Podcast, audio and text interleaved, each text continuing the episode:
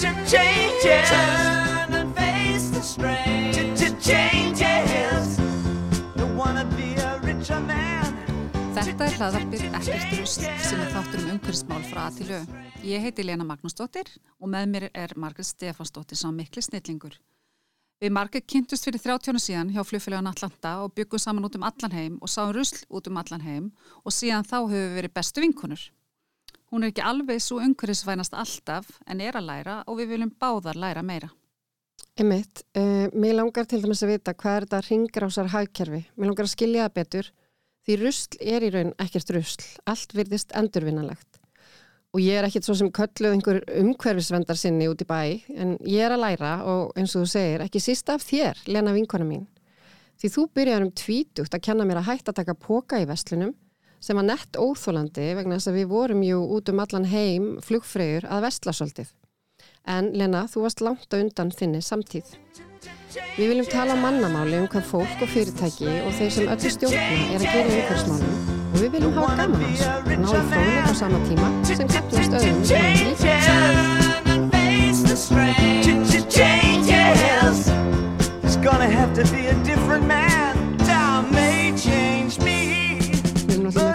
Frábæra viðmjöndur í dag. Það. Rosalega var þetta svona, Áhugavert. í, já og líka bara svona uh, skemmtilegt og einhvern veginn, já, svona fræðandi. Já, þetta var ekki svona áhugavert sagt að þetta var leðilegt, þetta var bara mjög, maður lærði, ég lærði fullt. Já, mér finnst þetta bara svo magnað að á Íslandi sé að verða til bara ný leið til þess að kólefnisjafna hérna uh, sóða brúðlið Þitt. Sitt, eða skiluru, Já. sem fyrirtæki. Getur þú hérna farið í gegnum sógrín þegar að þeir eru búin að fá sína vottun. En byrja náttúrulega fyrir og svo hérna, þetta, þetta er alveg, þetta er merkilegt. Já, og, og hérna við hvetjum, hvetjum hlustundir til að uh, gefa þessu góðan gaum og hlusta allan þáttinn. Algjörlega. En ég ætla að tala um, veist, ég, þetta plastlaus september sko. Ég spyr mig, þú veist, ég minna, come on, það getur engin verið plastlaus. Það er bara ekki hægt. Nei, en það er hægt að hugsa þetta eins og öðru Ég, seg, ég ætla bara að segja Boka. plastmaus í september. fyrir, fyrir mína parta. Já, ert þú bara að setja eina sítrún í plastbókan þinn alltaf og Nei, sko, ég, nú ætla ég að segja rétt menna. Ég, ég, til dæmis, fæ mér alltaf sítrunu vatn á mannana, fæ mér sítrunu í, í svona volt vatn og ég nota hálfa. Á milli sitja En sem ég geimi Já, og nota alltaf sama sjálfsögðu það er ekki að tala og þeir aldrei að nota En, plast. en ég víst, plastlaus, hvernig maður að vera plastlaus? Er þú Allt sem þú ert með í kringu í heima þér, þetta er plast sko. Já, já, Það er ég... allt úr plasti. ég- Já, fyrir- Nei, nei, ég var með plastlausan september bara því ég notaði ekki. Heyrðu, ég fyrir til dæmis í krónuna og þá losa ég mig við plastumbúðir og pappumbúðir og skil eftir. En akkur bara einn mánuður? Ég, ég er náttúrulega gerir þetta alltaf. Nei, en þú veist, af hverju Þú heitir þetta að þetta. plastlaus september? Út af S og P er í þessu öllu. Jesus. Og T. Ok, allt í lagi. Ég er að pæla þessu. Já, P, ok. L, S, T. Já, þetta er eitthvað svo les. En Nei. ok, ég, er, þú veist, ég meina, þetta er alveg, alveg flott hjá þessu fólki og allt það, en ég segi bara, Gekkja koncept, færa okkur til að hugsa. þú ymbirðir, ég er að lesta hérna, þú ymbirðir... Eitt kreditkort í viku af plasti. Nei, já, já hér, hér er sko, fyrsta sem mæti mér, já, kreditkort á viku og þú ymbirðir tvær plastflöskur á mánuði. Já, verðið er því. Já, en þetta er árveknis átak sem hóst árið 2017 í Íslandi. Mm Já, já. ok þá, en hérna uh, síðan er alltaf ég að ræða hér, ég ætla að segja þér frá því Já, því ég er búin að vera, nú er ég rosa mikið að horfa á rafbíla í Já. umkörinu mínu, einmitt, kannski smá kannski að ég er svo öfundsjúk, ég veit það ekki kannski. uh, Af því ég er að fylla bíl. bílinn minn ég var að fylla hann hérna alltaf á hérna svona, svona átt áskall Já. það er komið upp í svona 11.000 Já. Og hvað kennst þið langt? bara rosa stutt Ég borgaði þess að okkur dýrt. náttúruna borgaði ég, hvað, 1200 krónur fyrir 350 kílómetrum daginn.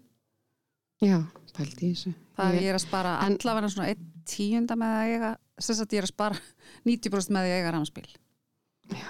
Einmitt.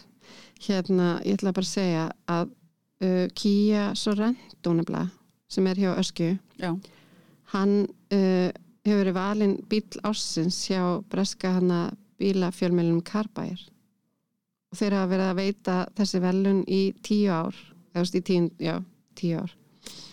Og þú veist, æ, maður veit alltaf með svona velin, þú veist, er þetta bara eitthvað Nei, kjafta? Alls ekki, þeir eru alltaf að vera en hérna karpa er, er greinilega mjög hérna svona, þetta er svona virði, virðinga Já, allir að fara í öskju og framlag. Kia.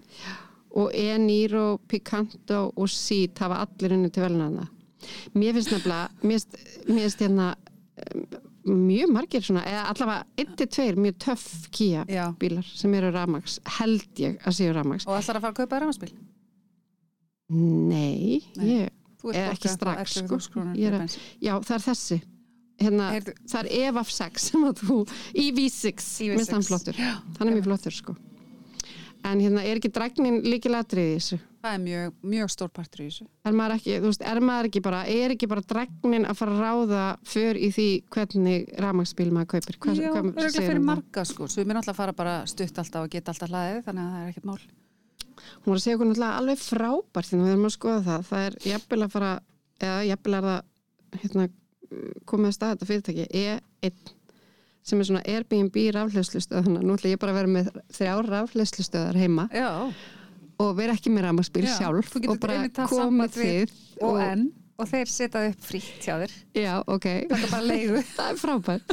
Og svo bara segi ég, komið og hlaðið hjá mér. Einmitt, Mér líst vel á þetta. Já, það góð hugmynd. Og við þurfum að fá hérna, þessa mannesku til okkar sem er með fyrirtækið E1 Heyrðu, en ég ætlaði líka þá að klára þetta með því að segja að ég fór í góða hýrðin og kefti skálundi likla. Ég var nú bara með þér Já, já, ég er að segja og það. það var ég reyndar ég, það hlusta. ég sem fann þessa skál skál. fyrir þig með svona rauðu inni þetta var svona hraun hún er bara falleg sko mjög fallegt. mm En það er hægt að finna ímislegt í góða hýrðinum og körskutu og, og hérna felsmúla þannig að hvetjum okkur til að fara þangað. Já, minnst Kaup ekki hérna nýtt. Nei, Alltaf það að halda áfram að lesa upp úr, í, Nei, ég er ekkert farið að lesa mér, mér þætti ég bara heyrði þið glamra á tölvunum sko. en það sem mér þætti rosalega skemmtilegt ef við gætum fengið hlustendur til að sita inn á ekki drusl síðan Já. okkar hvað, einhver svona eitthvað nýtt sem að þeir eru byrjaðar að gera bara svona sjálfur Það er frábært. og kannski, ég meina ok, ég er ekki að segja að við að hlusta okkur hafi orðið nei. bylting en Svona hvað ert þú að gera öðru sig svona bara að segja okkur eitthvað frá þú Mhm. veist, já, ég meina ég veist að það sé engin eitthvað að finna upp hjólið, en bara svona hei, hérna, ég er að gera þetta en þú, Já, nákvæmlega. En nú er komið að Guðnýju Nílsen og Gunnar Sveini að taka, taka við. Don't wanna be a richer man. Changes. Turn and face the strain. Gonna have to be a different man. Time may change me. Gaman að but sjá I okkur. Takk fyrir að koma. Við erum með frábæra gest í dag sem ég er mjög spennt fyrir að heyra meira um. Þau eru hérna hjá okkur Guðni Nílsen sem er stopnandi Sógrín og Gunnar Sveit Magnússon sem er stjórnandi lofslags og sjálfbærtins uppbyggingin Deloitte á Íslandi og á Norrlöndunum. Er það ekki rétt? Jú, hlut af, af því teimi. Já, mér langar að byrja þér Guðni og spyrja þér bara hérna hver ertu og hérna akkur stopnaður þetta fyrirtæki? Já, uh, já, ég er Guðni, ég er verkfræðingur, um, bakgrunnum minn var í, ég var í fjármálageirunum fyrir og umhrun uh, og fóð svo í hjálparstarf og búin að vinna fyrir Rauðakrossin uh, frá 2015 og uh, hef þar verið að fókusa á hérna, þróunarsamvinnu bæði í miðausturlöndum og Afríku og stopnaði fyrir rúmi ári síðan með vinkonu minni úr, úr verkfræðinni uh, Sógrín.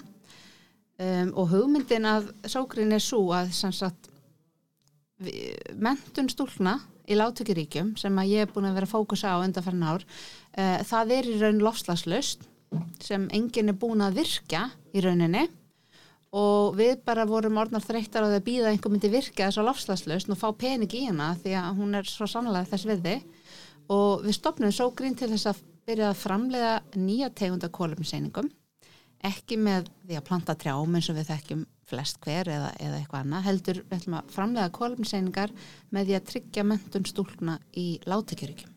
Vá, hvað þetta er spennandi, ég hef bara aldrei heyrt um þetta aður. Nei, það hafa fáir heyrt um þetta Og, hver, og hvernig gengur?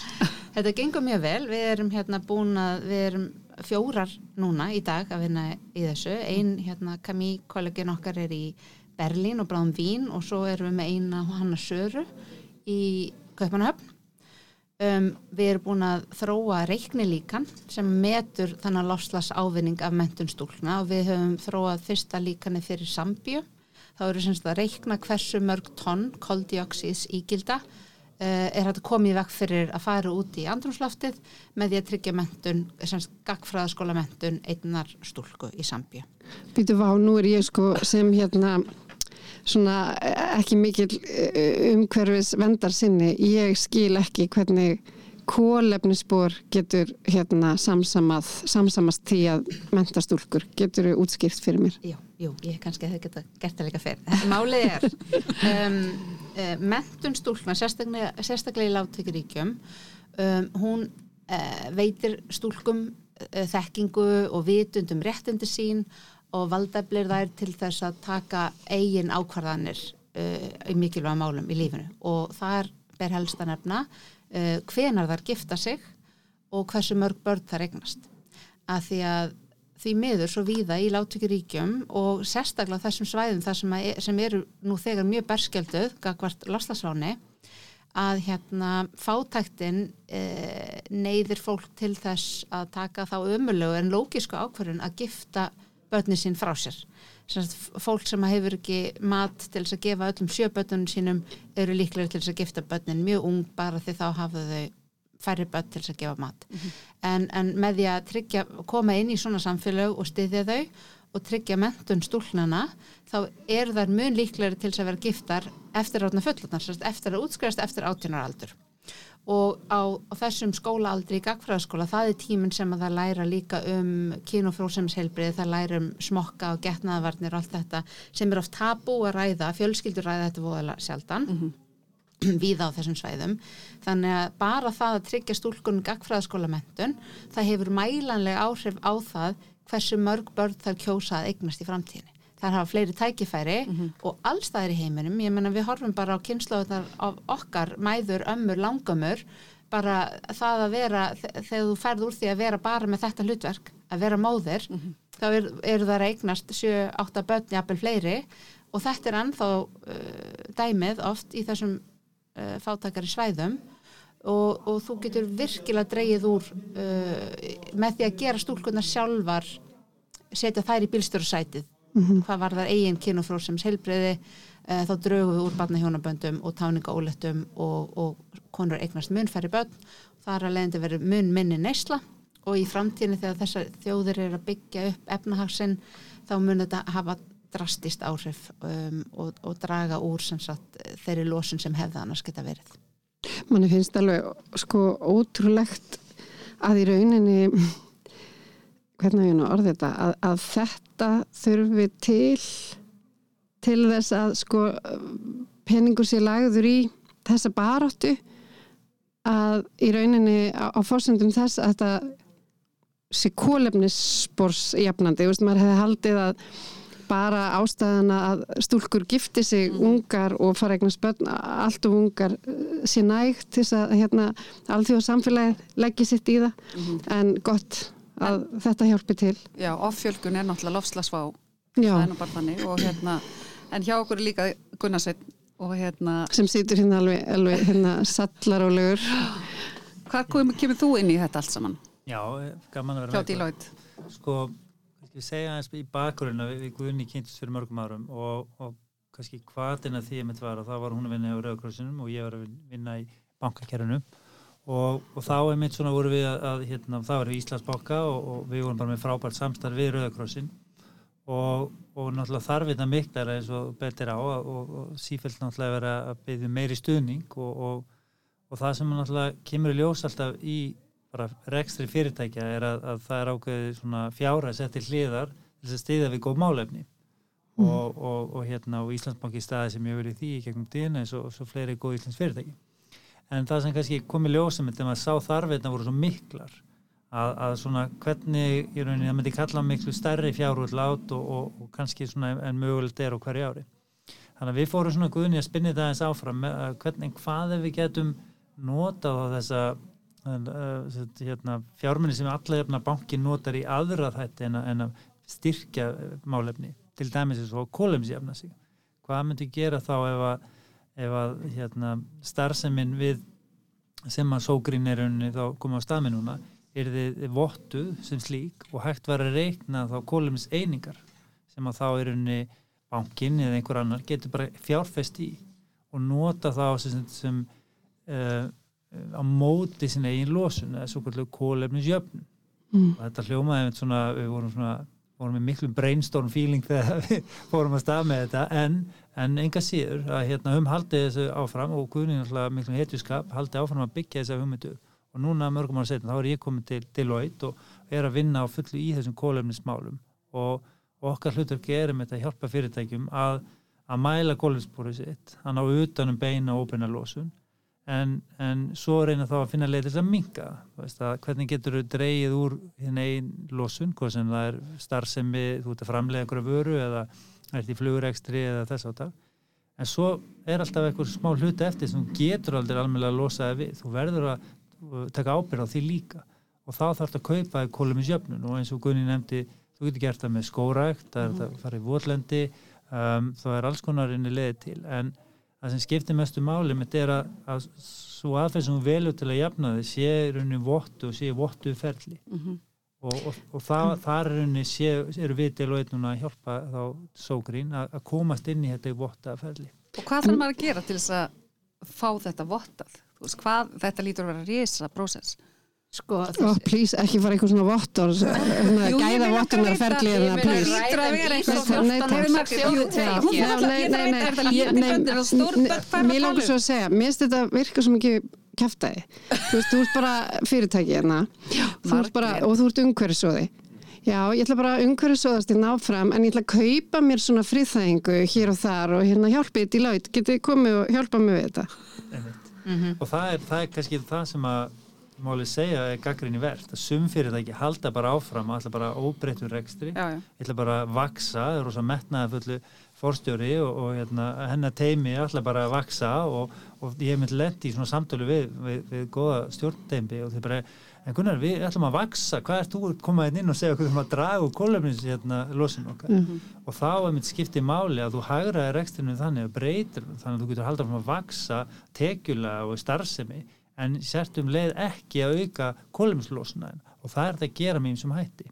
Þannig að þú þarftir rauninni að, að láta sko þína viðskipta strategju, eða business strategjuna passa við sjálfbærni strategjuleina því að núna og það er kannski það sem að maður vil nú kannski ekki tala ómikjum en reglugerðir og, og svona því ofinbera er að fara að verða miklu stífar á þessu. Þannig að það mun kosta miklu meira að menga í framtíðinni sem það er jákvætt á, á vissan hátt en það þarf að vera eitthvað svona kvati þá Mhm. til þess að, að það verður svolítið svo sjálfbær hugsun fyrirtækjana, heyrðu, við, veist, við verðum að það bæta okkur. kannski betra að eða peningum áður en badnið dotti í brunnin. Já, og frekar já. að eða peningum í því Þess að vegna er Gunnar það. bara hérna á fullu út um allan bæ, er það ekki? Að hérna, að þetta, undirbyggja byrja, þetta. þetta byrja samt alltaf á samtali bara um sko, eins og fræðslu bara að reyna að útskýra, þú veist, þetta er ekki allan við lítum ekki þannig að við sem einhver ráðgjaðar hlaupum til bæja að hérna að að reyna að hrista eitthvað peningatrið sko, heldur við erum að reyna að hjálpa fyrirtækjum að breyta reksturinn sínum, þannig að þú getur halda áfram að vaksa, getur halda áfram að selja góða vörur,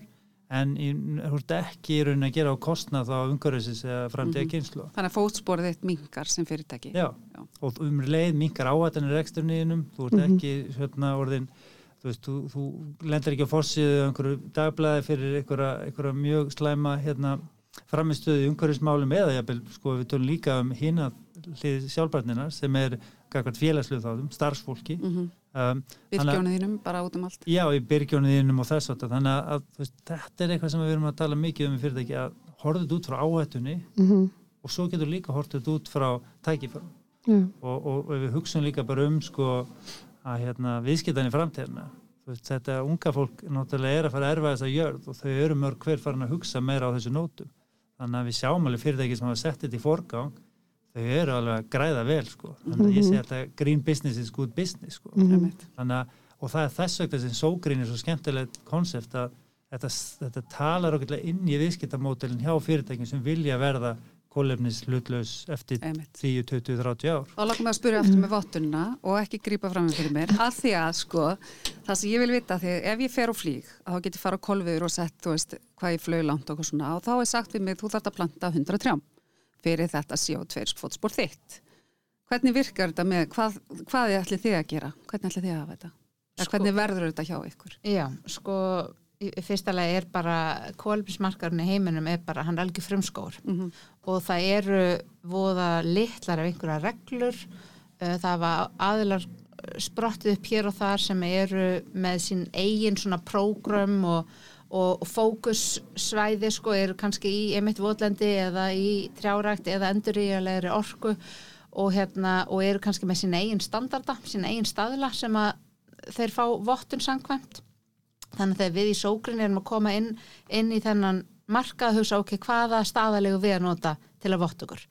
Og við höfum sambandi alla stóra aðelina og kemur ljós að það er bara enginn að vinna í þessum um, social impact sektor svona samfélagslegur samfélagslegum ávinn, allir að vinna í endurnýjar orku, einhverjum svona náttúrulausnum og það er bara ekki til neitt prógram sem við fyttum með okkar lausn ok, gott og vel, við þurfum þá bara eins og margir það, bara byrja allt frá byrjun. Ok, um, en við hugsaum að því að sko núna er vandamál svo stórt, það eru 132 miljónir stúlkna að heimsvísu utan skóla.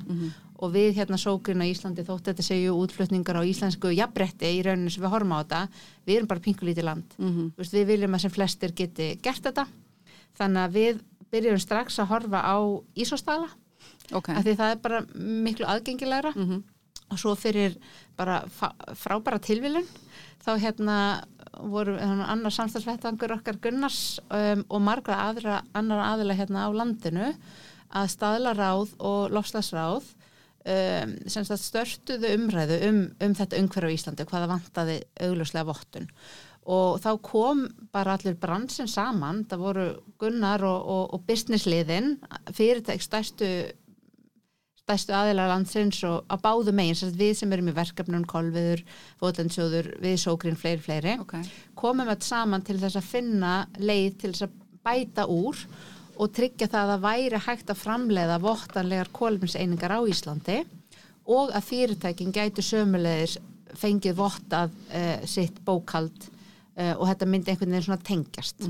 Og þá komum við nú með ISO 14642 sem er nú, ég veit að við verðum að tala saman um. Spennandi. það er bara senda, senda þeim staðalinn á eftir, á makka, stefall Það verður svona, þú veist, eftir, eftir Já, hérna, þáttinn þá les margur þetta upp þetta tekur þrjár klukkstundir ég lofa því að þið getur sopnað þið eruð með að sopna Já, kvöldi, já, þið getur alveg pottið sofnað. Já. þannig að þetta er staðallinn og, og svo tækniforskett sem að við unnum á þessum vettvangi upp úr því að það er það sem við ætlum að leggja okkar verkefni til og stefnum á að fá vottun mm. samkvæmt því. Þannig að þá verður þetta ekki bara einhver enga staðall, einhver, einhvers prógrams, einhvers fyrirtækis út í heimi, heldur bara ofinber staðall. Já, já.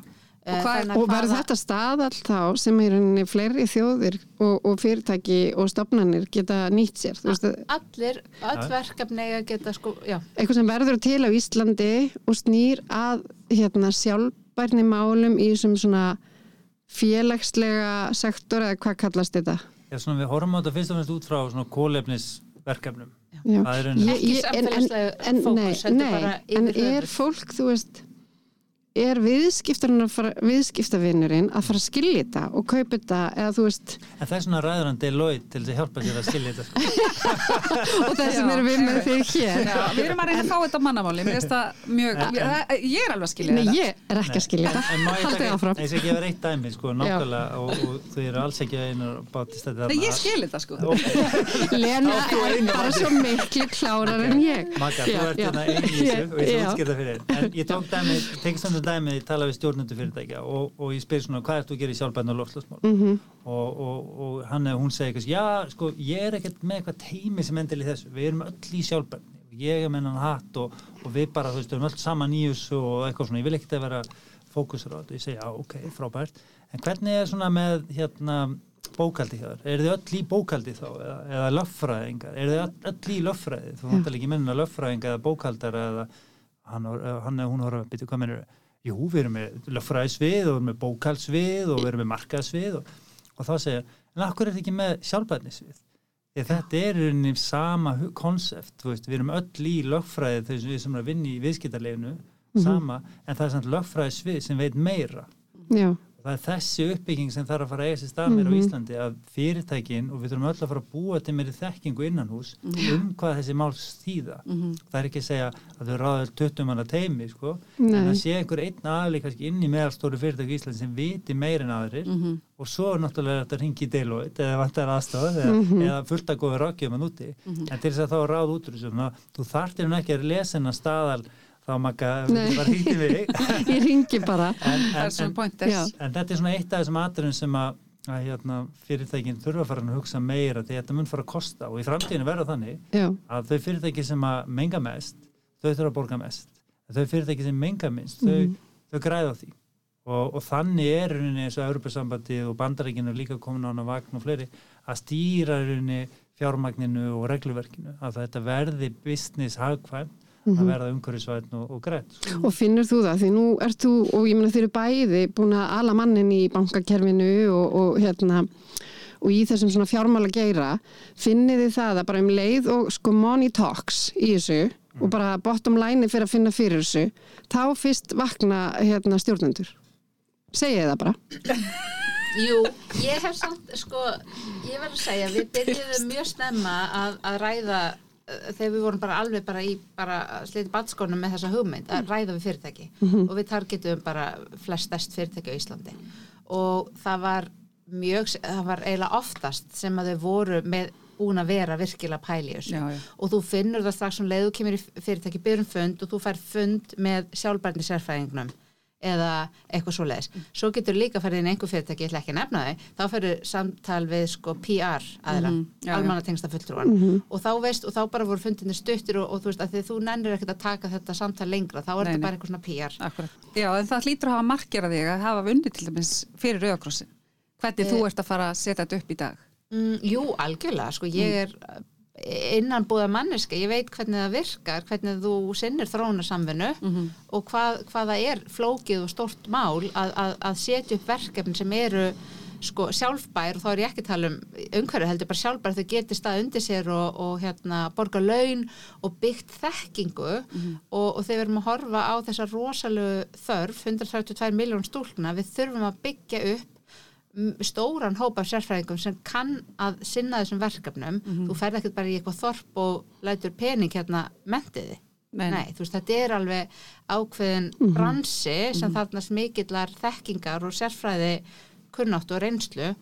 Og, og við, ég meina við stefnum hátt, við ætlum bara að vera vinsalistu kolumseiningarnar á heimsvísu Já. eftir, þú veist, innan það. hver vil ekki menta stelpur Ég og sé bjarga 100, umhverfinu? 130 miljónir stúlkna, Ég- það er það ekki að minnstakosti að minnstakosti og sko COVID get, getur mögulega hafa bætt 10-20 miljónum við þennan hóp að því bara skóla lokanirnar um leið og þú lokaði skólunum í þessum löndum þá kom bara spæk í táningsóletum bara um leið sko. og hérna og lofstafsbreytingar hafa þessa hérna, hvað segir maður svona þetta er svona keðiverkandi áhrif að, að koma upp þurkar og uppskýrubrestur þá missir, missir fjölskyldur en þá hérna meiri sko verða ennþá fátakari, steipast ennþá dýpar í fátaktina og þá eru þau ennþá líklegri til að gifta frá sér dætunar eða jafnvel ég hef verið að ræða við konur úti í Afríku sem hafa verið að byggja um hjálpa því að það er þurftu að segja já þegar kom einhver maður með mat í þorpið og bauð fjölskyldunum mat fyrir klukkutíma með dótturinni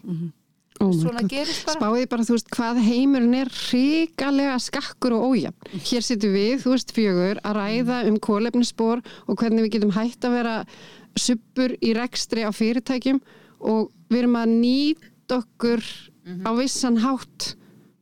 Þú veist, þetta, nei, nei, ok, en skiljiði mig, þú veist, við viljum hjálpa. Já, já. Og hérna, Ekki gefa þeim pening, við ætlum að e- mennta já, þú veist, það verið að eflita, en þetta er bara svo, þetta er En- bara svo en- galið. Þetta er svona fjárfesting, ég horfa á þetta þannig Já. í staðin fyrir að sko charity nær bara upp á ákveðin góðgera mennska Mhm. við erum öll góð, góða manneskjur held ég að yfir beinið Hérna við flest. þetta borða allavega, viljum við meina. en, en svo þú hugsa bara um þú veist, bara við þurfum öll samt að mæti vinnuna og við erum öll með rekstur og það Mhm. er bara, þú veist, við erum öll standa að skila okkar hérna afkomu sem fyrirtæki og einstaklingar og skólar og sveitafélag og, og þess vegna skilur svona máli að, að, að sjálfbærni og lofslagsmál og verkefni eins og guðni með getið einhvern veginn stutt við það. Mhm, að það er einhverja kröfur á fyrirtækið út frá lagalegu skilningi, út frá neytendum, út frá starfsfólki. Og með því að þá að setja pening í verkefni eins og hjá Sógrín og þá færðu tilbaka votta reyningar Mhm. sem þú getur þá nota inn í þitt bókald, kólefnis bókald og þannig að þá er þetta fjárfesting og það Mhm. mun og, þá, ert- og svo við tölum aftur um hérna, spurningunum frá áðan veist, um sem þú áttir eftir að svara já, já, já. og það er nefnilega þú veist og að við finnum að núna er áhugin á sjálfbæðin og lofslagsmálum að færast innan fyrirtækina meirinn og svið hjá svona æðstu stjórnendur fyrirtækina mm -hmm. þá er ég að tala um eins og forstjórar eða, eða fjármálastjórar eða áhættustýring og, veist, og þetta fólk sem stýri fyrirtækinum uh, þau eru fann að sjá þetta miklu meira komið til sín á radarinn út af því að þetta bara eru, eru rosalega skýrar áhættur sem koma að þú ert ekki að standað í þessu. Eða það er bara einhver rosa business tækifæri. Ef að við bara setjum aðeins meiri pening í þetta og þá getum varan okkar orðið hérna, uppfyllt einhverja kröðurum og kólum slötlus þá nú opnast bara eitthvað nýtt mengi af, af viðskiptavinum sko.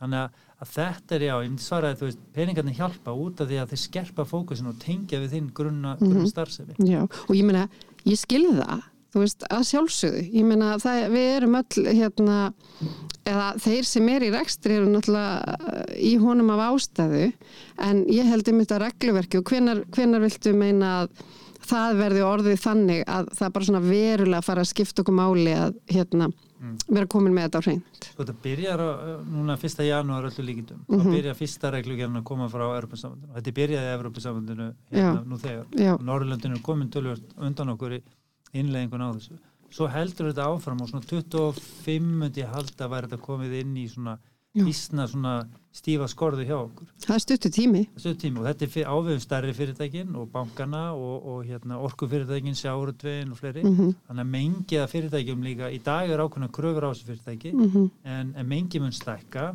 og kröfurna mun aukast Hvað er að tala um í peningum, þú veist eins og á næsta ári þá, þú, þú veist þú hendir bara einhver út í loftið, peningum varandi þú veist bara þessa CO2 lósin sem að fyrirtæki þurfa að greiða fyrir.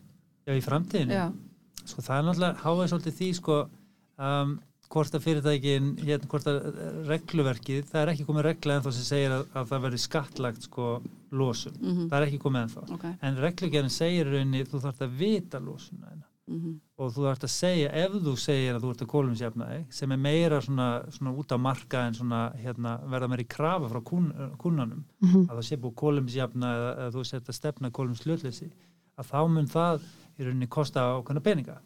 Og svona einingar sem að þá í rauninni þú ert að kaupa það er svona meðalverð í dag er kannski svona 20 dólarar 20-25 dólarar, það er svona meðalverð. -hmm. en svo eru einingar eins og Carpfix hérna, tæknin sem er komið á Íslandi sem er mjög byltingakent og, og framúrstefnuleg.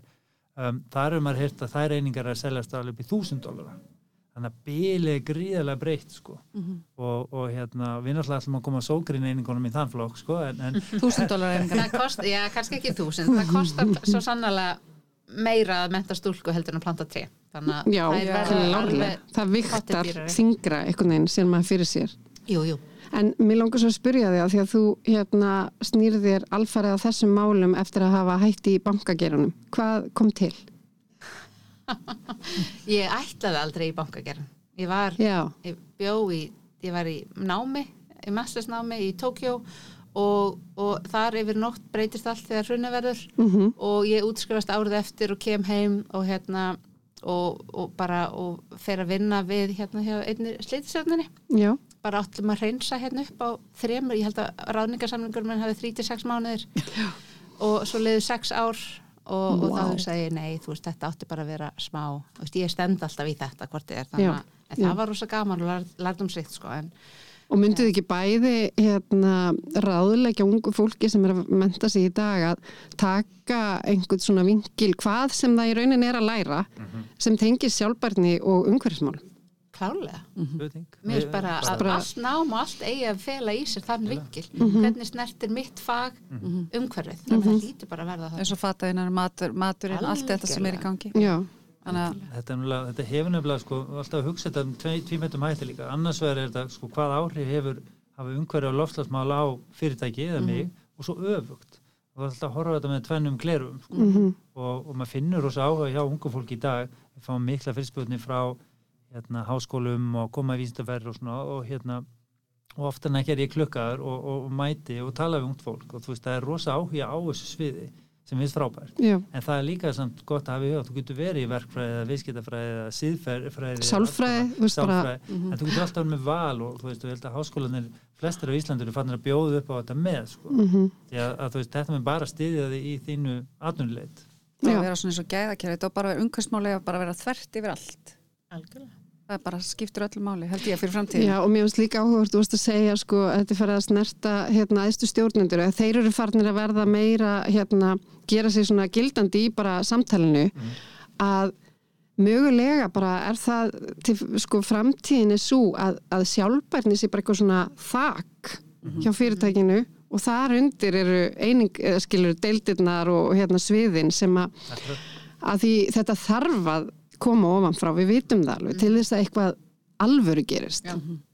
og ég hef mitt sko, við svona vinnum svolítið í svona, svona business strategi verkefnum með Deloitte og erum í þá komin í fyrirtæki og verið að hugsa viðskipta mótili upp á nýtt og, og við mitt svona erum farin að núna tala meira um þetta bara að í staðin fyrir að, að vera með einhverja business strategi og svo einhverja sjálfbætni stefnu mm. að snúðu þessu frekar á kvól hugsaðu svona hvernig er okkar fyrirtæki í tengslu við bara umhverfið og samfélagið já, og svo búið til business mótili út frá því. Einmitt. En ekki nákvæmlega, þetta er maður farin að sjá meira. Já og þetta maður á svona ekki að menga meira og fá friðþængum með að fá einhverja vottun, sko. Eða þið skiljið, maður á ekki að fá hérna CO2 losunar bref frá trjávendarsöðu að því þú ert að menga svo mikið. Þú verður náttúrulega að taka þetta, svona Báðum brunnin bara, já, Já. að, að, og þú veist, og það er svona ný fyrirtæki eins og ég var aðeins unni með svona startup og, og hérna fyrirtækjum og þar er einmitt svona, segjum við strax í byrjun hugsa þetta alveg business mótili sjálfbært frá grunni, algjörlega. Mhm. ekki byrja stort í hotn að það starfsminn þín krefst þetta mikis hérna olíunótkunnar eða hvað sem það er sko og, og hérna, og svo bara eftir fimm ár þegar reglugjörnum svo töngað, þú bara, þú komin úr, veist, já, varaðinni jafnvel bara eh, Obsolete, orðin sko. bara Já. úreld, þú getur Já. valla framleitt hana lengur, Akkurat. Veist, það er skelvilegt Já. Ég held við þurfum líka að fara að skoða heiminn í stærra samengi sko. Það tekur til dæmis fyrir eitt bara galiböksun þá þarfstu hvað fyrir fjö- 40 tonna vatni eða 15 tonn 15 tonna vatni til þess að búa til eitt par galiböksum. Er ekki þá sniðið að búa til galiböksur í Íslandi? Ég sko, ég Það sem verð nú- vatnið- má, ég, má ég tala hér fyrir hönd, já ekki fyrir hönd, en ég þekki nú til hjá fatta söfnum Rauðakrossins, sko, sem er frábær. mhm, Vandamáli er að við Íslendingar erum svo brjálaðir neyslu, við neytum svo það. og við kaupum svo mikið af fötum að við erum heldur bara heimsmeistarar. Mhm. og sko Evrópa, ég kann ekki tölutan Evrópa með einhver svona ákveðin tonn per mannesku við erum Já, með tvöfalt það. Einmitt. ég segi notum gallabustan sem við eigum Algjörlega. því það er umhverfisvænasta flíkin sem þú átt Já, þegar hún er í skápnum. Jújú, jú, svo getum við kannski framleittar setna hérna með íslenska vatninu en, en sko ekki það ég vil vera eitthvað gloomy en sko ég var nú að lesa eitthvað um daginn þar sem að sko við náttúrulega erum destinationið í framtíðinni Mhm. þegar lofstafsbreytingar eru farnar að hafa það mikil áhrif og ef að við náum ekki snúið sér við þá, bara, þá, þá flikkjast allir norðar, norðar, norðar Já. og artikið sem er norðurslóðunar norðurslóðunar verða destinationið. Þannig að allt þetta fína vatn sem er núna fullt af, því við erum hvað 350.000 litla hræður. Mhm. þú veist, það verður að duga þá einhverjum miljónum og miljónum og miljónum ertu þá að meina að fólks, fólksflutningar og líka.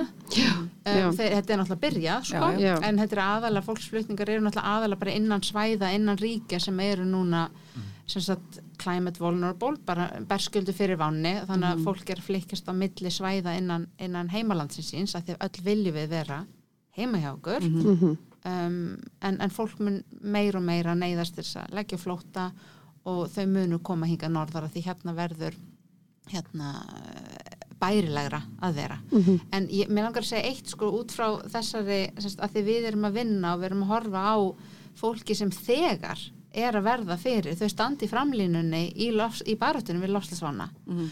og þetta er ekki eitthvað eins og við erum alltaf að þetta verður svo mikið vandamál hér. Þetta er vandamál nú þegar hjá þeim búið að vera í mörg ár. Já. og, og, og rattirnar í, í, í ungu, ungu sko, þú er með hérna, Greta Thunberg og Fridays for Future og Rise Up Movement og all, all þessi ungliða hérna, samtök sem eru að berast fyrir lofslags að barðinni gegn lofslagsbreytingum þau röddin um þetta climate justice lofslags réttlæti Mhm. er að verða hærri og hærri. Þessi fátæku lönd eru þegar að tapa, tapa, tapa, tapa uppskeri brestur í trekk, flóð, þurkar um, og hér eru okkar um, nú ætlum þetta historical emissions, okkar útblástur bara, útblástur sagan. Og þegar maður horfir þetta frá þessu vinkli, hversu sangjant er það fyrir fyrirtæki A í dag, ok, núna árið 2022 ætlum við að byrja að reikna lofslas hérna bókaldi okkar og byrja svo að jafna okkur. Ætlið að hunsa hérna áratugina sem eru búin að vera? Af hverju þykist þið hafa rétt á að byrja að reikna í dag? En verður hægt, veist, er, er það kannski hægt bara að sekta tilbaka? ég veit ekki, þetta Sko, verður á fyrirtæki- COP27 Já. verður þetta umræðefni og það var sum fyrirtæki farið þetta eins og Apple, Google Mm. hafa til dæmis látið reikna fyrir sig alveg aftur í tíman Ok, bara síðan hér þau byrjuðu Mhm. í sína lósun og alltaf sinns að, kaupa þá að styrkja kólefnisverkefni uh, til þá fyrir þá uppæð í runni uh, þá, þá, þá hvað segja það hérna voljum það magn, að kaupa það mikið af kólefniseiningum afturvirt þannig að þetta ekki byrja hjá svona ok, stórum vel fyrirtækjum. gert. en, en það sem kannski ég hefði líka nefna svona varandi þetta, það sem að maður sér svolítið fyrirtækjum megin, er að núna er fyrirtækjum komin á stað, þau hefa áhuga á þessu og þau vita neytundu vilja þetta og svona. En sum fyrirtæki hafa farið kannski aðeins og geist, uh, hafa ekki alveg hugsað þetta alveg í gegn uh, eru kannski að hugsa þetta svona svolítið svona marketing tricks sko. Mm og þá hefur við séð eitthvað sem við kallum grænþvott já, já, og hefur kannski heyrt alveg um þetta. Svona friðþæðingin. Grænþvottur er henni verrið það. Þá Já. ertu henni að segja að vara en sé sko háða ákveðnum eiginleikum eða búið ákveðnum eiginleikum sem í rauninni hefur ekki Mm. þannig að þú ert að segja kannski að með þessari vöru hérna, hún er græn og umhverfisvæn og, og það er eitthvað flottu svona stimpill á henni og, og þú fær og grípur hana í hérna, bónus eða krónir eða eitthvað og svo, svo er það henni ekki En hvernig hefur að vita þetta ef þau eru með hana stimpil? Þú veist, er er, hann, er ekki þetta marka? Þú veist, er bara gæða kerfið algjörlega gallað? Akkur, en það er nefnilega það sem Európa-samfélagin hefur núna, þau eru að koma nýjan svona, svona hvað segja, stimpil sem að verður, eins og við þekkjum mörg svansvotun sem er á, á Norðurlöndunum. Já, og svansvotun hefur gengið bara vel og það er býsna, myndi ég segja, algilt að það, það slíkar vörur standundi sér, en nú á að koma sem ennþá lengra og þá að vera evrósku stimpil og, og það mun hjálpa greiðlega til við, þetta. en ég minn okkar nefna líka nokkuð dæmi sem hafa verið í fjölmjölum til dæmis ég sáu kannski núna í fréttunum að, að H&M sem er keðið sem margir þekkja að nú var þau sem hérna, tekið uh, fyrir af, af hérna, hollenskum yfirveldum og það var verið að, sagt, að skoða hvaða yfirlýsingar H&M var að gefa frá sér. Já, og það var dæmis að þau væru með einhverja vottanir að vörurna væru svo og svo eitthvað umhverfisvannar mm en, en þau í rauninni gátt ekki sanna það. Nei, og þannig að vottunum sem slík var einu ekki vottun. Þannig að þau þurftu að byrja formulega afsökunar H&M, Mhm. taka niður þetta á heimasíðunni og lofa bót og betrum já, þannig að þetta eru skilabóðin sem við erum að reyna að setja fyrirtækina að sko, það er gott og vel að þið verið stiðja við þú veist, loftslagsbreytingar og, og eins og Mm. varandi það sem Gunni var að segja náttúrulega bara framtíða sín er ekkit allt og björn en gerið þið þá almennlega? Mhm, Frek, Akkurat. ég vil freka svo fyrirtæki ekki segja neitt á heimasíðunni. Og verður þá bara, hafðu það bara þannig og verður þá bara að hugsa því mál. Heldur en að þykjast. Einmitt. og bara eh, hérna ósannindi í þessu, ég menna þau koma náttúrulega í bakið á fyrirtækjum og mér fannst áhugavert þarna, það var þáttur um einmitt uh, uh, umhverfis uh, sóðabransan, fattabransan sem að ég er búin að, við erum búin að vitni í hérna og er bara rosalega áhugaverður og, og var á rúf og þar var hérna breskur þáttastjórnandi kona sem að fór til Indlands og Úsbekistan þar sem bara heilt vatn hefur þ- þurrkast upp út af bómullar hérna framleyslu og þar fer hún inn á svona ráðstöfnu þar sem allir þessir helstu hérna, framleiðendur í svona fast fashion voru samankomnir. Og hún var búin að sagt, eh, reyna náttúrulega að ná til þeirra áður til að undibúa, fá að hitta þetta fólk og tala við það. Um leiður vissu hvað hún var að gera þá var hann alltaf hafnað. Það var einn hérna fataframlegandi sem var tilbúin að tala við hana og það var Levi's. Og djöfull tók ég hattin ofan fyrir honum vegna þess að hann bara var rosalega svona hömbul og hérna saði bara satt og saði bara að þetta væri, þú veist, áskurun og, og bara við, við erum að reyna að gera okkar besta og við munum gera betur, þú veist, og, og hann stóð svo upp úr. Mm -hmm. hinnir koma allir alveg fáránlega illa út úr þessu. Já. Mér finnst þetta svo frábært dæmi að því að ég hef svo oft hugsað, mér finnst svo um, kannski fyrirtæki í Ísland og annar stað, það er svona smá panik finnst mér þeir eru ekki búin að leggja námið vinnu í þetta og, og, og, og þau svona eitthvað, hvað þurfum við að gera? Við þurfum að, við þurfum að segjast vera um, uh, hérna, kólefnisjöfnu árið 2021 mm. einhvern veginn einhver svona órunhaft bullshit. Já, og, og, og ég hef alltaf hugsað svona hver, hver er að byggja um þessa kólefnisjöfnun árið 2021 Einmitt. þú veist, eru kaupendur hérna, ég ætla ekki að kaupa þessa vöru nema þú sett kólefnisjöfnaður 2021 það sem við viljum er bara raunveruleg raunveruleg verkefni raunveruleg sett virkilega Mhm. Já. hömbul, segir þetta hvað vandamáli er, bara byrjar að mappa upp hvað er útbrásturinn ykkar Mhm.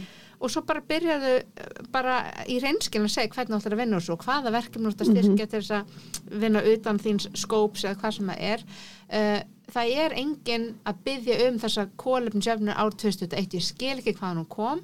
Umhverfið er ekki að byggja um hana. Lofslags fólkið í Afriku er ekki að byggja um hana. Við viljum raunverulegar aðgerðir. Já, ég að meina við öll framtíðar. hva, fásinna þetta er. Þetta er ekki hægt, alveg svo bara vímöfnalöst Ísland árið 2000, muniði, já, já. spurði einhver. Við að Þetta er gera þetta engi klamedja 2010 ég meina þetta er bara svona Nei, menna, við erum með Parísarsamningin og markmiðið þar.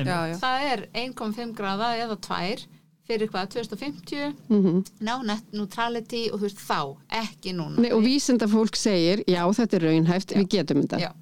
En það sem er kannski maður líka var að pikka upp þennan punkt er að fórstjóra og, og, og, og fólk sem er í stjórn, stjórnum og svona kemur tímin og er einmitt bara "Ah, veit ekkert sko, Já. hvað, hvað á ég að byrja sko? Mhm. og þá er einmitt svona ég segi alltaf, fyrsta skrif bara byrja að kynna þið málin áður en þú byrja að lofa einhverju eða tala um þetta Lestu þarna Ísostæðan Ég lesti Ísastælin með möggu, hún, hún segir í frá honum.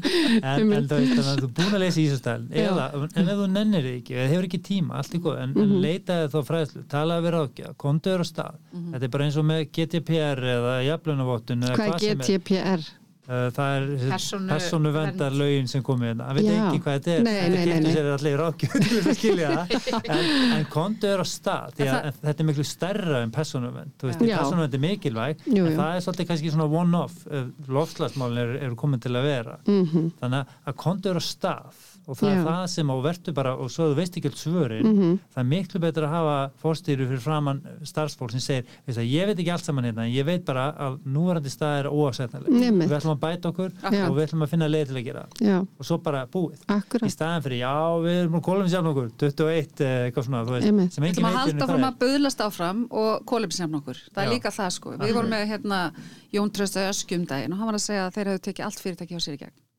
Og þeir bara sáu það að þeir byrja að spara mjög mikið pening á því að hafa, þú veist, skiptum allar allir bara ljós Já, bara og og veist, allt sem skiptir Akkurat. máli fyrir heiminn sko. Mhm. að þeir bara eru að spara pening á þessu ég held að fyrirtæki geti alltaf gert betur þar sko. Pottet. og við sjáum þetta í Evrópu mjög stert núna og út af því að af stríðin í Ukrænu Mhm. Að það er náttúrulega nú yfir raforku náttúrulega verið að skamta þið til. Evrópu Mm. þannig að núna og ég var nefnd að koma frá Danmörku og við vorum að hittast þar og bera saman bækurnar og Ísland náttúrulega er algjört forréttinda land Mhm. Með okkar orku og vatn og, heita og bara vatnið og allt þetta sem að frábæri sem við höfum en ef við horfum aðeins á frá þau þau eru að fara að skamta orku í vetur Einmitt. og núna verðum við að vinna eitt verkefni með svona mitt smásala sem er fullt af búðum og þar er einmitt núna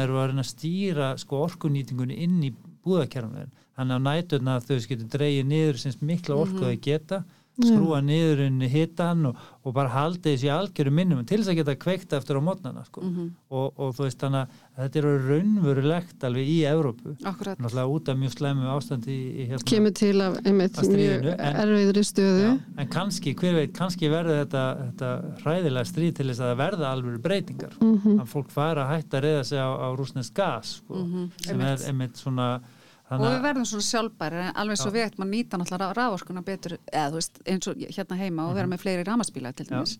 En það var líka bara áhört, við svona í Ísland telum að þetta eigi ekki við okkur en við sáum bara síðasta vetur. Þá komið ljós að það vantaði raforku í Íslandi. Mhm. út af því náttúrulega 80% af raforkun í Íslandi fer í stóriðu já, já, og það eru náttúrulega ákveðna gjaldristekjur og atvinnusköpun sem kemur á því. Þannig að, að, að hérna ef við tökum og það til útbúið. Jú, það er náttúrulega sko, á þess að fella dómið því og það er alls konar pælingar. En svo er 20% fyrir fyrirtækin litlu og einstaklinga.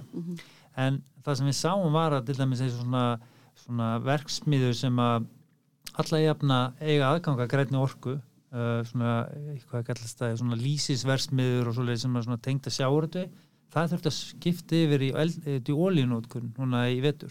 Það var ekki til nú orka. Nei, Var það í alvöru svoleiðis? Já, Þannig að við sáum þetta bara fyrir austan að það voru eskja og síldavinstan Já. og þetta kemur fram í skýslunum þeirra og þau bara tölum og opiðskátt um þetta. Þetta Já, já. er bara mjög erfið stað. Þannig að meira svo í Íslandi við þurfum að hugsa um hvernig já. notum við orkuna Akkurat. betur. Og þetta, Já, þetta hljómar fyrir manni eins og bara rosalega lélega planað. Er þetta ekki bara típist, við höfum þess, bara vatni hérna flæðir og, og heita vatni bublar og við Já. höfum aldrei þurft einhvers veginn að hemmi okkur þannig að Við erum svo mikið luxus hérna, þjóð að þetta hljómar eiginlega bara svona eins og við séum svona smá hálfvitar. Þegar maður kannski pælir í-. Já. Ég finnst ótrúlegt að við með allt, allan þannig Mhm. luxus að við séum sko að setja okkur sömu markmið og, og hinnar mm -hmm. Norrlanda þjóðunar Európa, þú veist, hvernig ætlum að ná þessu, þú veist, af hverju er við ekki komið lengra, af hverju ekki, Og af hverju við þurfum ekki já. á 30 eða eitthvað En við erum alltaf Og rosalega já. böðlar og við þurfum Já. sko tíu jarðir ef allir væri eins og við. Já. Og það er líka pínu það sem að maður svona er alltaf, að- eða ég er alltaf svona staldra við. Og hérna, þannig að mér finnst þetta rosa áhugavert að það sé hægt að gera betur. Alveg eiga- og, og, og ég myndi reynilega svona tala um loftlasmálinn á jákvæðanóttunum. Já. Svona sem svona. Eins og Lena. og, og hérna, en út í businessin þá er mitt segja sko að þetta verður að vera veist, þetta er góð business Mhm. og, og við tölum bara eins og um sko kólefnisverkefni á Íslandi eitt gefur greitt dæmi sem er og Einar Bárðarsson vinnur okkar, tala mikið um þetta og Votlendsjó Hann Já. er kominga. hann er náttúrulega mikið snillíkur Mhm. en það sem Einar náttúrulega verið að benda á og, og Votlendi sjóður og sem er bara hérna, voru mjög ákvæmt að að vekja aðeins því að þú veist fyrir 70-80 árum þá var landegjandum þessara og bændum borga fyrir að grafa skurðut um allt til þess að búa til allt og við borgum þessu fólki til að búa til 35.000 kilometrar. Þá var enginn að hugsa þetta. það var enginn að hugsa þetta en svo náttúrulega var þetta landi 70% sem aldrei nota þannig að í dag bara Akkurat. spúir þetta út hérna alls konar hérna CO2, gösum og sem að við hérna þurfum að standa að skila á. Þannig að við átt að rætt sko, einhverju ná ekki að snúa þessu við einhverju getur ekki búið til votta kólumseiningar úr þessu þannig að bændur og landeigendur sjá sér hagið í að fara bara að snúa þess að þróum við En hann sagði mitt frá því að hann er, hérna, þau eru að, er að fá vottu núna. Akkurat, sko. þannig að þetta er eitt dæmi um hvernig Ísland getur snúið þróunum við Algjörlega. og svo, en það er líka kannski svona erfitt að er svona, við sjáum eins og skórækt skórækt er að koma mjög fram núna á Íslandi mikill áhuga á því, sem er bara frábært sko. En auðvitað þá náttúrulega skóur að vera ákveðin stað og, og ræsa fram hérna votlendu og öðrum og svo er landbætur hins vegar þannig við þurfum að fara að horfa á þetta svolítið heilstætt Já, kannski ættum við líka þá að rekta skóengsta það sem að vex betur eins og til dæmis í Fraklandi eða þú veist Spáni eða eitthvað Já. svona heitar í löndum. Það Það, ég, bara, það er bara svona pæling, Já, sko. en við Það er þurfum- svo þurft þar. Það vext ekki þar lengur. Það En við kviknar bara í því. En þurfum að ná þessu þess að segja að við getum orðið útflytningur Mhm. á Íslandi, ekki bara Carfix eða Sógrín eða þú veist, það er svo margt svo er já. lampúnaði, það er ótrúlega tækifæri en við þurfum bara að setja okkur hann að hatt sko, að En fara mér að finnst að við um að jafna okkur heima áður en við fyrir kannski að selja það út í heim. Já, þarna komum við að svona flóknarmáli er að annars vegar þú ert með uh, skuldbendingar Íslands Já. það er það sem ríkið þarf að gera Já. og svo ertu með fyrirtækin og, og það er það sem að kannski ég sé fyrir mig svona hættumerki á Íslandi að það er mikil ásókn í Íslensk kólefnisverkefni Mm og, og hérna og það er mikið fjármagn Erlendis frá. Já, og mikið fjármagn sem er að koma til landsins sem að vilja þá fjárfesta í alls konar kólefnisverkum Mm. og, og Íslands stjórnvöld hafa kannski ekki alveg verið að svona skoða þennan málaflokk nú skýrt finnst okkur að hvað ætlum við að gera ef að útlendinga kaupa allar þessi reyningar þetta er svolítið íkt dæmi þetta. Já, já. en þá hvað fer með loftlasmarkmiðin okkar sem dæmi Mhm, þannig að við þurfum að hugsa þessu nótu þó að ég fagni elendri fjárfestingu og, og það sé mjög hérna, gott fyrir okkur Mhm. en við höfum ekki alveg séð það með nú skýrum augum hérna heima held ég En er það þannig, segjum bara að ég eigi miljón og mér langar að fara inn á kólefnis uh, hlutabriðamarkaðin. hann er ekki tilbúin Nei, hann er ekki reddi. en, en, það verður, en, en þannig Þú veist, fram, framtíðin verður þannig þú getur keift, eins og í dag getur þú keift sko, uh, svona að marka og keift sigur eða kveiti eða olíu eða alls konar mm Mhm. það er kallað svona commodities Já. og þú mútt geta keift í kólefnis Mhm. íningar Og allir ég geti keift bara guðni af fyrirtækinu. Bara einmitt. Já, í framtíðinni, langt í framtíðinni Já, og, og jafnvel, af því þú veist, auðvitað ef ég er að fjárfesta með miljónu, þá vil ég náttúrulega græða á því líka, ég vil vera að gera gott og ég vil græða og við erum alveg að sjá það bara Já. blómstra. Þetta er bara markaður, Mhm. þetta er bara business og, og planið er að skrá þessar einingar í lofslagskrá Íslands og það Já. er bara eins og verbreyðaskrá Já. verbreyðaskrá heldur utan um skuldabriðin og hlutabriðin og svo Mhm. er einhverjir bankar eða, verbreyðmiðlar sem kaupa og selja þessar, ein- hérna, þessi bref Mm og það sama verður með það í loftslagskrá Íslands. Þar stendur bara að, að hérna, þú átt uh, eina miljón hérna í hérna sógrín kólumseiningum Mhm. og þá getur þú, ef þú vilt selja þær þá getur þú talað við bankaðin eða eitthvað verðbræðamilar eða eitthvað og það er ég vil hérna selja einingarna minna Mhm. til bara fyrirtækis A sem ætlar að hérna, nota þær í bókaldi og þá er það bara, farið það transaksjón og þú keifti kannski þessar einingar á, á, hérna, á miljón og farið þá 1,2 tilbaka Mhm. Þannig að- og það er munur rísa í Já. verði því nær sem dregur markmið sem sagt, þessu ári Já. 2030, 2040, 2050 þegar við erum öll búin að setja einhver yfirlist markmið Mhm. þannig að þá er alveg hérna, má alveg búast við því að þau árin og árin fyrir verði á hérna, spæk í verði Þannig að þetta verður skynnsamli fjárfesting en hvenar haldið þið að þú veist þessi miljón sem ég er að tala um að ég eigi jafnvel í þetta geti farið í þennan farveg vitið, þú veist Hvernig er þessi markaði til? Þessi markar er, er að þróast rætt sko. við sjáum það úti að, að núna bara á hverju ári er alltaf að aukast fleiri og fleiri svona einingar og fjölbreytnin að verða meiri. En það sem við vantar náttúrulega er kannski meiri svona strúktu frá henni ofinbera hvernig á að skipilegja hennar markað? Skilur hérna, finnst ykkur uh, stjórnvöld alveg nógu svona kvikk það er Fljótt. kannski ekki eðli stjórnvalda er það nokkur staðar að vera Við þau örugglega tekið- þátt í þessari vinnu með okkur í staðlaráði Mhm. stjórnvöld hafa verið þar og, og, hérna, og bara gott samtal við þau um þetta en ég held að þau um svona eins og hvernig segir, þetta verður svolítið markaður að keira þetta áfram mm. og sína fram á, þú veist, þetta er En markaðurinn, sko, hann fer aldrei kannski hraðar en, en svona innviðir og ferlar. Mhm. Það Þar, þetta þarf að mætast. Já, klálega og okkur svona, það er svona, svona að vera að koma hennar punkt inn að, að, að það væri náttúrulega sorglega ef að útlendingar myndu kaupa upp allar þessar einingar okkar. Því að það er svo mikið tækifæri eins og einar bárða var að tala um og svo þröstur og skórættinni er að tala um þessi má líka og mjög, ma- mjög margt jákvæmt þar og Carfix og svo er þetta komið Sógrín og við sjáum þetta bara út um allt. Mhm. og við hjá Deloitte sjáum þetta við en því ofinbæra hefur kannski ekki alveg verið að, mynda, að skoða þetta með þessum hætt Ég Nei. heyra að markaði er alveg bara svona með dollaramerki í augunum með þessu. Já, bara er mjög money, money talks, Money- er bara talks. Mér langar svo að vita hérna Guðni Sógrín, hvaðan kemur þetta nafn? Sko, ég, við, við erum tveir svona rúðustrykkaða verkfræðingar og okkur hefði ekki getið verið meiri sama hvað fyrirtæki okkar hétt. En við vorum hérna í hraðli að vegum hérna Icelandic Startup sem núna er klag og það var að tala um þeir þurfa að branda ykkur, þeir þurfa að gera hitt og þetta við bara eitthvað, ok, googluðum how to name your startup. Ok. En, Start hérna, en pælingin á baku sógrin er ekki að við erum svo grænar heldur, þetta er social impact uh, for a greener future. Við erum semst að taka saman semst að social impactið fyrir græna framtíð. Ekki í staðan fyrir ekki eitthvað natural impact eða technical impact, þetta er þetta social impact. Mhm. Og, og mentunin er bara fyrsta lausnin, það er fullt af öðrum lausnum eins og erum að ræða áðan heilbriði að koma hérna kyn og frósemis heilbriðis þjónustu til hvenna í sömu löndum í láttökjuríkjum, það er líka finnst eldurinn aðstöð, ég var að segja það einhverstað, það er með sjö listanum Já, yfir, það er nú þegar, það er eldurinn up and aðstæða. Á kólefnismörkuðum. Þú getur keiftir kólefniseiningar með því að, að, að konur í láttökjuríkjum fái betri eldur en aðstöðu. Þetta er alveg magnað. hefur komið á þessi svæði. Já, ég hef mikið verið á þessu sveið. Mhm. Og bara, það er ekkert að lýsa, hérna, neyðin er bara út um allt Mm. og þú kemur í þessi dreifbýlusvæði þar sem fólk býr við sárafátækt, það bara, það slæði strax fjöldi barna. Það er bara enda laust af börnum og ungar stelpur sem eiga börn. Barn, sem sagt vandamál við annarkot við hérna, þungun eða barsfæðingu er leiðandi dánar ás, ásök stúlna í heiminum 15-19 ára.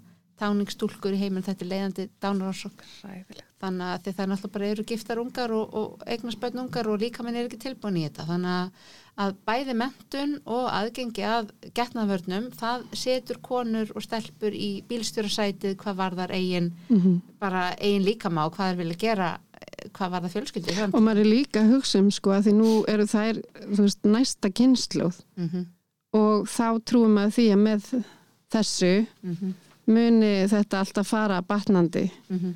að því kynnslóð fóreldra þeirra í dag er náttúrulega bara eh, svona þengjandi. Þetta er bara þeirra menning. Já. Þetta er, þetta er oft menningin hefur mikið að segja en, en það sem að er ráðandi í öllum þessum ákvarðunum er fátæktin. Þetta er bara Já. og ég held að það geta allir svona einhvern veginn reynd að setja þessi spór eða þú átt sjö börn Mm og þú átt bara fimm kartöflur og, og hérna og svo bara sérðu, svo bara fer uppskerðan þín og þú veist ekki hvernig þú ætti að brauðfæða þau og það kemur kannski einhver maður og það getur alveg verið bara góðu maður Mhm. sem segir, heyrðu, mér vantar einkonu og hérna má ég giftast dóttuðinni og, og dóttirinn er mögulega líka tilbúin til þess að því að hún sér sjálfa sig kannski sem byrði. Og sérstaklega, og þetta er bara svo ótrúlega algengt þegar stúlkur á þessum svæðum sem búa við þessa fátækt ef að fóröldunar hafi ekki efnað að senda þær skóla þá, þá er einhvern veginn, þær sitja heima jújú, jú, þær eru að hjálpa til við að bera eldi við og, og vatnið og það en þær eru svona að upplifa sér ekkit eins og þær séu að gera mikið Mm. gagn. Og þær vilja bara freka þá fara og, og gifta sig og, og verða, þetta er ekki jújú, jú, það er alveg svona ne stelpur neittar í hjónaband við það. En þetta er mm, í flestum tilvikum bara svona hræðileg en lógisk ákvörun sem að foreldrar og, og, fólk tekur. Eru þið með svona prógram þar sem maður getur fyllt uh, stelpu í, í menta, hérna, bara eða menta vegin? Er, eru þið að vinna með við, svoleiðis? við erum að fókusa á gagfræðaskólamentun Já, og, fyrsta verkefni okkar fyrir að stað núna í janúar í Sambíu og það er mentaskóla, eh, sem sagt gagfræðaskólamentun fimm ár Mhm. þetta verða fimm ár af mentun fyrir hópstúlna við ætlum að reyna að hérna, fá viðskiptavinni fyrir til að geta menta 200-300 stúlpur mhm. Róbert. þetta En er hérna vel. Má ég bara spyrja með vottunna Já. Jésús Lena, dreftur. Nei, hvenar, þú veist, hvenar verðið þið komið með þessa einingar í raun? Sko það sem við gerum er að við, þetta er fimm ára verkefni Mhm. um, og við mótilega okkar reiknar sagt, hversu margar kólefnis einingar, sagt, ein, eitt tonn af koldioxís ígildi Mhm. er ein kólefnis eining. Það er um það byrða eina sem er sammert öllum Já, já. í þessum frumskói sem kólefnismarkarinn er. Akkúrat. Ein eining er eitt tonn. Mhm. Uh, þannig við reiknum tonnin og við sagt seljum fyrirtækjum þá bara fyrirfram tonn sem hafa ekki raungerst. Uh, svo að þessum fimm árum loknum þá munum við fá vottunar aðila til að taka út verkefni þá sangkvæmt í svo 14.0642 eða tækniforskettinni nýju sem við gunna vorum að, að nefna á þann. Mhm. Þannig að eftir við, við, til þess að geta fjármagnarverkefni seljum við einingarnar fyrirfram Uh, fyrirtæki geta vissulega talað um það í sínu sjálfbarni bókaldi það að þetta er verkefni sem þau eru að styðja en það er ekki fyrir en einingarnar hafa raungerst og er búið að taka út votturinn eftir að verkefnið er búið Já, já. að þá getur þau sagt ef að þau vilja þá segja eitthvað, við erum kólefnsjöfnuð eða búin að þannig að hérna, eh, það er svona í einföldu máli ferillin Þannig að þetta er að byrja núna í janúar. í janúar, já. En mér finnst eiginlega að við þurfum að leggja enn og aftur áherslu á það. Þetta er að verða til á Íslandi. Þetta er ekki til. Þú, þú og þú Guðni og, og þínar samstarfskonur, þið eru það, þið eru frumkvelar í þessu. Jú, í rauninni og, og við segjum, þú veist, það er engin tilviljun að þessi lössið fæðast á Íslandi ég meina við bara erum algjörlega sko obsessuð af jafnbretti hérna og það er, jafnbretti er bara í, í okkar öllum Þannig ákvæmum DNA bara, Já. já. Og svo bara þegar maður kemst að því þú veist og, og hérna milliríkinn en saminuð þegar hann tala um þetta fyrst 2018 í skýslunni sinni um 1,5 gráðunar bara hvað mentunastig stúlna væri stór óvissu faktor að segja okkur hvað af fimm uh, vegferðum töldu til fimm vegferðir hvaða scenario væru líkleg. Og svo og, og það og ég bara beið. Ok, það hlýtur einhvern að gera þetta. Og ég var alltaf að kvarta og kvarta og, og, röfla og að lókum sagði maðurinn minn, veist ég nefn ekki að hlusta á þetta lengur eða viltu að gera þetta, einhver gerir þetta kannski bara gera þetta sjálf Ok. og það var bara svona ljósabyrju moment ég ringdi vinkona mína og við bara heyrðu gerum þetta já. þannig að Til hamingju. Og þú varst að fá styrk eða þið og, Jú, og við, hérna. höfum fengið nokkur, við fengum nú stóran styrk frá tæknitrónsöðu, 20 miljonir til að þróa og svo við fengið styrki frá landsbankanum og frumkvöðlaauði og, Mhm. og höldum að fram að segja styrki. En nú erum við bara komnar, sko varan er eiginlega að verða full þróu þannig að við erum bara að fara að byrja að selja þannig að Mhm. það verður best að geta fengið viðskiptavinni sem fyrst. Og fólk getur séð allt um þetta inn á uh, Sogreen.is, einmitt. En hvernig eru hérna svona umhverfismál, hvernig er þetta heima hjá þér, Gunnar? Einn persónlega Já, persónulega, já, bara heima hjá þér. Já, nú, Við endum alltaf á þessu spurningu. Já. eftir mig sko um, Einmitt. og við hjónurum bæði á rafbílum þannig að það er kannski fyrsta Það er nú bara fyrsti viðmælandin sem að hérna, mætir hinga sem að það sem eru tveir rafbílar Já, séum við, það er bara sem hlæðslun alveg á hverju kvöldi sko. Já, ok. en, en svo svona reynir mann á hjóla ef maður getur en Mm við svona mættum standa okkur betur í flokkun og, og sérstaklega á lífurætni kannski við búum með mitt hérna á Hauðborgarsvæðinu í Garðabæ og það kannski vantar aðeins innviðin en þá, maður er Mm. svona að reyna að íta á, bæinn sinna, koma að þessum málum við betri farveg þannig að en, en svona við, við móðum mín keftin saman svona hérna, moltutunnu Nú, ok. þannig að það er rosa spennandi sko. Já, Og erum bara út í garði. hún er í garði og erum að fá fyrstu moldina núna þannig að hérna, Mm, að þetta. það er spennandi Við erum bara ráð þegar kom hérna til okkar, hann, hann mummi, og hann er með einhverja rosa smart tunnu bara sem er inni. Já, mjög flott. Og ég bara, hérna, var mjög svona imponerað af þessu. Ok. Maður getur pantað þetta á netinu, hún er ekkit svo stór. mm. Ég er nú ekki búin að fá mér, en, Nei, nei. en hérna, þú leifur ykkur að fylgjast með moltu. Já, akkurat, sko. þetta var að hágjaða mold þannig ég býð spettur sko. Já, en hjá þér Guðni. Ég, ég, sko, við erum að tala um moltu ég keipti líka svona einhverja flotta moltu ekki svona fancy Ég veit Nei, hvað- ekki svona inni er fancy. með- Nei, Nei. Já, hún er, jú, jú, hún er inni, hún er bara undir veskinu Já, sko. ok. En vandamáli er að hérna innviðinir, sko, hvað hva gerum við svo þegar við erum búin að gera þetta og það er bara, Mm. maður er að býða og maður er alltaf að heyra þetta er að koma, þetta er að koma Ef maður býr í blokk þá getur ekki fara með þetta eitthvað út bara. Nei, nei, Í ég meina, garð? við, við erum með garð og það sem Ok. við höfum gert er bara að við gröfum og hérna á vorin þá bara gröfum við upp hérna smá skurð og við bara hendum við öllu, öllum tunnunum okkar þarna við höfum fjóra svona moltu tunnur Ok. Mm. um, en sko, en ég veit ekki eins og Gunnar þú veist, ég hef oftir, hvað ég gera þessa mold ég er ekki að fara að stunda eitthvað brjálaðan búskap hérna og eitthvað en það væri svo gott, þegar og það er alltaf verið að lofa, þegar hægt bara að fara með þetta út í lífrann tunnu og þau taka þetta. Mm og þá fara að framlega þarna metan og eitthvað dót í sorpu það ekki og svona, ég bara get ekki beðið. Já, þannig að það var svona stærsta skrif og fyrir mig, ég veit ekki, ég sko fegst ekki sjokkuna, þú sást sko magnið af mat Jú, þetta er eins og þegar maður byrjar að flokka plast þá fær maður sjokk, við Já. hvað ég nota mikið plast. Þegar þú byrjar að matnum Já, já. þá bara, það er endalaust. Og ég er hann rosa meðviti um bara þú veist, ég skar oft svona endan af gulrótinni. Nei, nei, nú bara þrifja Já. og ég borða hann Já. og þú veist, ekkert svona. Ekkert svona kæftæði. svo eitt viðbót sem við hefum gert líka við höfum- við myndum þetta að taka svona raukkjöt meira og meira út þannig að við svona erum komin í hérna, veganpakkan Mhm. og Mm. strákarnir nú ennþá alveg vilja kannski fá sín hambúrgara sko, Mm og hérna en við svona, það er kannski komið mest óvart hvað svona maður getur alveg verið án rauðs kjöt sko, þó ég sé ekki, ekki vegan sko, -hmm. fiskur og, og svona kjúklingur borða það yfirleitt sko mm. en svona endrum að eins kannski rauðt kjöt en, en, en konum minn alveg hætti og kindakjötið er ekkert skára við erum alltaf bara með endalust á kindum hér og Sem það að prumpa bara út í náttúrunni. Allt loftrandi dýr, þetta er mikil, sko. Þið voru sáum að það var að byrta hérna skýrstuna um bara árangrun okkar í þessu og það var þrætt sem var helst ég man bara þetta Þa, það voru vegarsangamur held ég Já. skipin, svo voru það jórtrandi dýrin Já. Já. það var einn af þreymur Já. helstu flokkun það eru kindunar okkar, sem eru miklu fleiri heldur en nautin en þetta er líka mjölkukýtna, þannig að þetta er rosturinn okkar Mm. Og, hérna, og þetta er bara eitt af því sem við getum gert sem er svo auðvelt, við Mhm. getum dreigið úr kjött og mjölkur Einmitt. Já, ég held að fólk sé bara almennt svolítið meðvitað um það. Já, minnst að vera búið Já. aukast rosa mikið ár. Einmitt. Já, við erum að sjá meira líka gremmiti svona innlendu framleiðslu Mm sem er frábært sko. Já. Það er náttúrulega, og svo kannski eitt svona í lokin, svona, svona ég tók það ákvörðun að ég borða ekki sko svona, eh, hvað segja, jarðabera bláber sem er flutt uh, utanfrá. Æmitt. Einmitt. Þú fær bara í Það er svo berjum rosa Nei, ég, borða bara jarðabera á Íslandi þegar þau eru í sísón. Já. Þú veist, ég, svona, Akkurat. það bara, svo verði ég bara mér um þetta annars þegar, hérna, þannig að ég er líka að venni með það, þú veist að maður á ekki alltaf að geta fengið allt, alltaf. Nei, Þegar þetta er aldrei góð svona pólisía og enn eins og með frosinber og svona, þú bara leifir þér það ekki heldur. Er það bara ekki, Nei, ég er svona, þú veist, jú, kannski að endur með eins en, en það er samt ekkert mikið, ekki, ég Nei. borða ekki allavega mikið, sko. nei, Ég reyni að fórkusera á, sko, þá, þú veist, hvað er in season, sko, hverju sinni. Já. Jú, banana kannski ekki eitthvað sem maður getur, hérna, stóla innan, innanlands á nesli, sko. nei, nei. Heyrðu, ég sá nú banana framleita í, í hérna, Hver er Hver er gerði? Já, Já. en það var æðislega. Nú er það. Það eitthvað, það- inn í Nálgast á.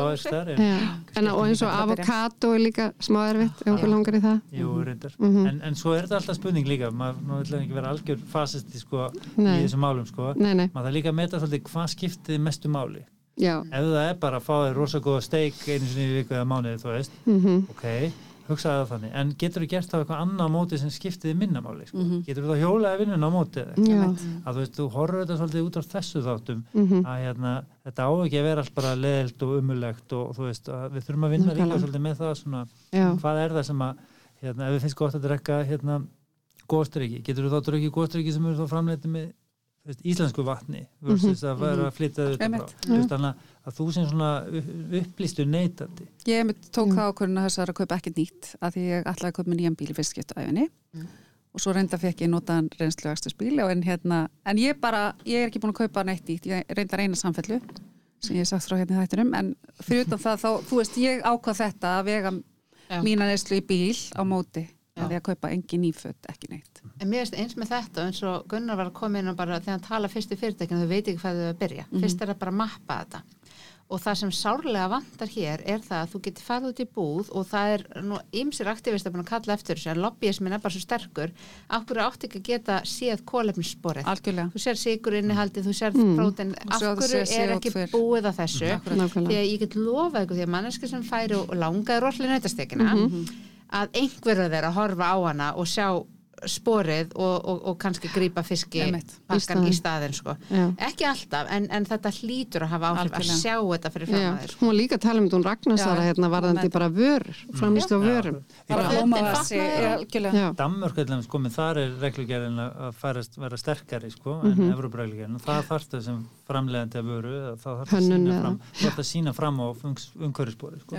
þannig að en kannski eitt sem er til með að nefna sko, við tölum um veist, svona vottavörur og, og það sem að hérna, náttúrulega kosta svolítið meira oft og, og fólk er svona leggja úr leiðsinni að ná í ykkur ákveðna svona vörur og, og hérna sem allega er svo ánað með. En ég, ég svona held og ég vona í framtíðinu verði þannig að, að bestu vörurnar og ódýristu vörurnar verði það sem eru besta fyrir umhverfið og eru svona samfélagslega ábyrgar mm Og- ódýrustu líka. Ódýrustu. Er það raunhæft? Nei, ég er að segja, já, Mhm. það er raunhæft en, Já, það þarf, en það þarf að breyta kvatakerfinu og Já. kvatakerfinu, það ef við tölum aftur hvað ríki getur gert ríki þarf að fara svona styðjarinn við þá atvinningreina sem að kannski eru þá hluta lausninni en hættastuðningi við þá atvinningreina sem eru hluta vandamálum Mhm. þannig getur við fara að breyta verminnstun á mörkunum þannig að stórmarkararnir þeir, þeir sjá bara að þetta er ódýrar og betri vara. Mhm, ég set hana fremst í búðaborðið mhm, heldur en í dag að það er það svolítið þannig og maður skilur alveg fólk sem er kannski bara með hérna, umhugðum tekjurnar sínar og hvernig það er að láta endur ná sama. Það er kannski ekki að fara að kaupa bara svansvota vörur í hver einustu hérna, málaflokk sko. ekki. Vonar miklu dýrari, nei. Nei, þannig að það þarf að fara íta á Mhm. þetta. Þannig að, að framlegendur sem eru með góðar hérna, vörur sem Mhm. eru hérna, umhverfisvænir og, og hérna, góðum pakningum og, og þess að þar að þeir geti búið verið samkjæmnisæði við það sem eru rauninni ekki umhverfisvænir Akkurat. mhm. það, ég held að það verði en það spurning bara hversu rætt að svo þróum gerist já. Mjög góð lokaðar. Mjög góð lókaðar, bara æðislegt að hafa ykkur Takk, Takk fyrir fyrir að koma Skemmtlegt viðtal, virkilega gaman að tala við ykkur og, og hérna vera líka svona aðeins á móti.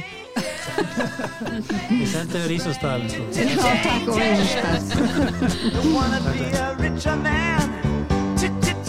eins face the strain. Changes. There's gonna have to be a different man.